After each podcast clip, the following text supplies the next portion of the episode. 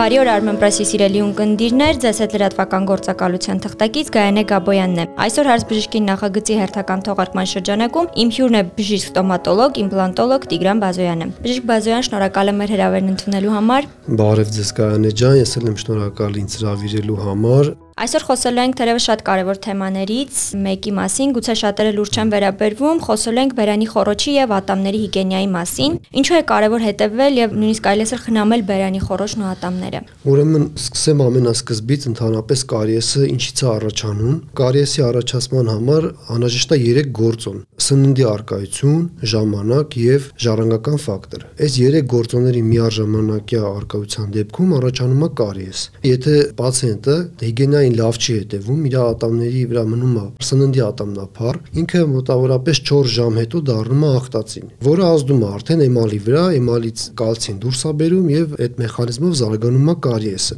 Նու որոշ մարդկանց մոտ, որը կազմում է մոտավորապես 5%-ը, տենց ստատիստիկա կա, որ անկախ հիգիենայից իրանք ատամները կարիեսի նկատմամբ տրամադրվածություն չունեն եւ իրանք ատամի էմալը չի վնասվում վատիգինայի պայմաններում, բայց հիմնական մարդկանց զանգվածի մոտ այդ սննդի արկայությունը առաջացնում է կարիես այդ այդ մեխանիզմով, այսինքն սննդի արկայություն, ժամանակ եւ ժառանգական ֆակտորը։ Հիմա ըստեղ հիգիենայի դերը ինչու՞մն է կարևոր, որ երբ որ մենք վերացնում ենք ատամի վրայից այդ փափուկ ատամնափառը, արդեն միկրոֆլորան չի աշխատում այնքան ոնց կարա աշխատի եւ առաջացնի կարիես։ Բերանի խորոչը դե հարուստ է միկրոֆլորայով եւ դրա շնորհիվ այդ ատամնափառը կարա դառնա ախտածին։ Հիմա ըստեղ երբ պետքա հետեւել հիգիենային, ուրեմն ընդհանրապես ատամը հենց ցկթում է, հենց առաջի օրվանից պետքա հետևել հիգիենային, այսինքն մաքրել ատամները խոզանակով տարբեր հարմարություններով, այնտեղ կարա լինի թելեր, կարա լինի հեղուկներ, խոզանակներ, էլեկտրական խոզանակներ կամ սովորական հասարակ խոզանակներ։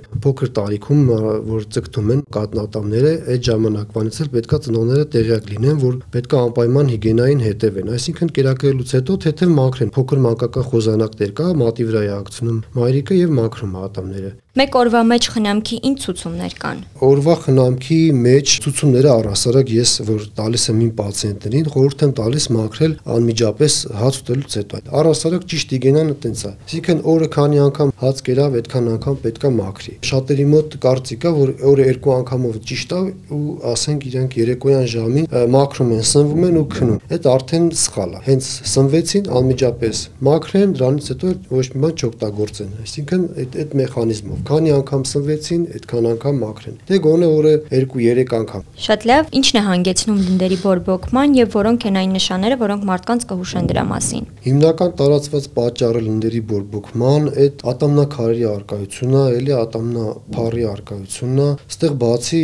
ատամները քանի անգամ մաքրելուց, նույնիսկ պետքա մաքրելու ժամանակ լինդը մաքրել, այսինքն ոչ միայն ատամի կարծր հյուսվածքը, այլ նաև խոզանակով մաքրել լինդը, որտեղ նույն ծավալի ատամնափառ հավաքվում է նաև լնդի վրա, հավաքվում է նաև լեզվի վրա եւ դա պետքա հեռացվի, որ ինքը իր վատ ազդեցությունը չունենա։ Լնդերի բորբոքումը կարող առաջացնի ատամնակարերը, հիմնականում է տարածված վատ հիգիենան, որը ասենք պացիենտներին ուսուցանվում է այցելության ժամանակ անմիջապես պետքա բժիշկը ուշադրություն դարձնի անձնական հիգիենային, պրոֆեսիոնալ հիգիենան կատարվում է բժշկի կողմից կլինիկայում, ուսուցանվում է ճիշտ հիգիենայի կանոնները, խոզանակի ընտրությունը դրանից էլ կախված, որտեղ լինում է դեպքեր, երբ որ պացիենտները ընտրում են փափուկ խոզանակ, թանկ արժողությամբ, բայց ինքը էֆեկտիվ չի, այսինքն ստեղ պետքա ընտրել միջին կամ կոշտ խոզանակներ, Եթե լնդերի հետ կապված շատ չի անհանգստացնում պացիենտին, ավելի լավ է ընտրել միջին կոշտության խոզանակ, որպեսզի ավելի հեշտ մաքրվի ատամնափարը։ Իսկ ատամի մածուկը արդեն ըստ ցանկության։ Շատ լավ, խոսենք ատամների բորբոքումից։ Պարտադիր է արդյոք, որ ատամի բորբոքումը ուղեկցվի ցավով, թե հնարավոր է նաև անցավ լինի եւ բուժառուն դրա մասին չիմանա,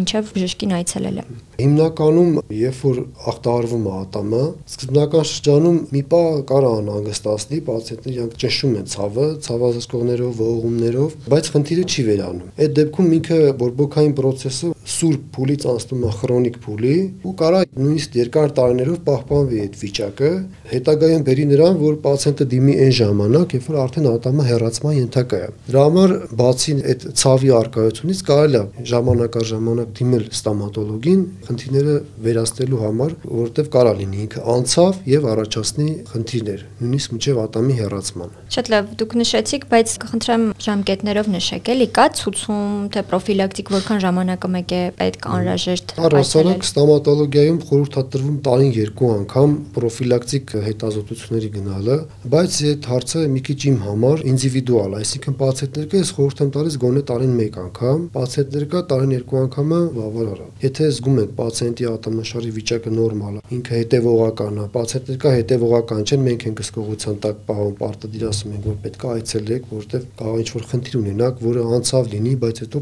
խնդրեմ առաջացնի։ Այդ դեպքում միջինը տարի գոնե մեկ անգամ պրոֆիլակտիկ դիմեն ստոմատոլոգի, նույնիսկ 6 ամիսը մեկ երեխաներին պրոֆիլակտիկ անպայման պետք է ստոմատոլոգի մոտ տանեն, որպեսզի կանխարգելեն շատ խնդիրներ, հենց կանխարգելելու ժամանակ հեշտ լուծվում։ Շատ լավ, որոնք են ատամների հիգիենայի պարագայում բուժառուների կողմից հաճախ հանդիպող սխալները, որոնք ձեր պրակտիկայում հանդիպել եք։ Հիմնական սխալը, որ հաճախ հանդիպում է, ճիշտ ժամանակին չեն հետևում հիգիենային։ Երկրորդը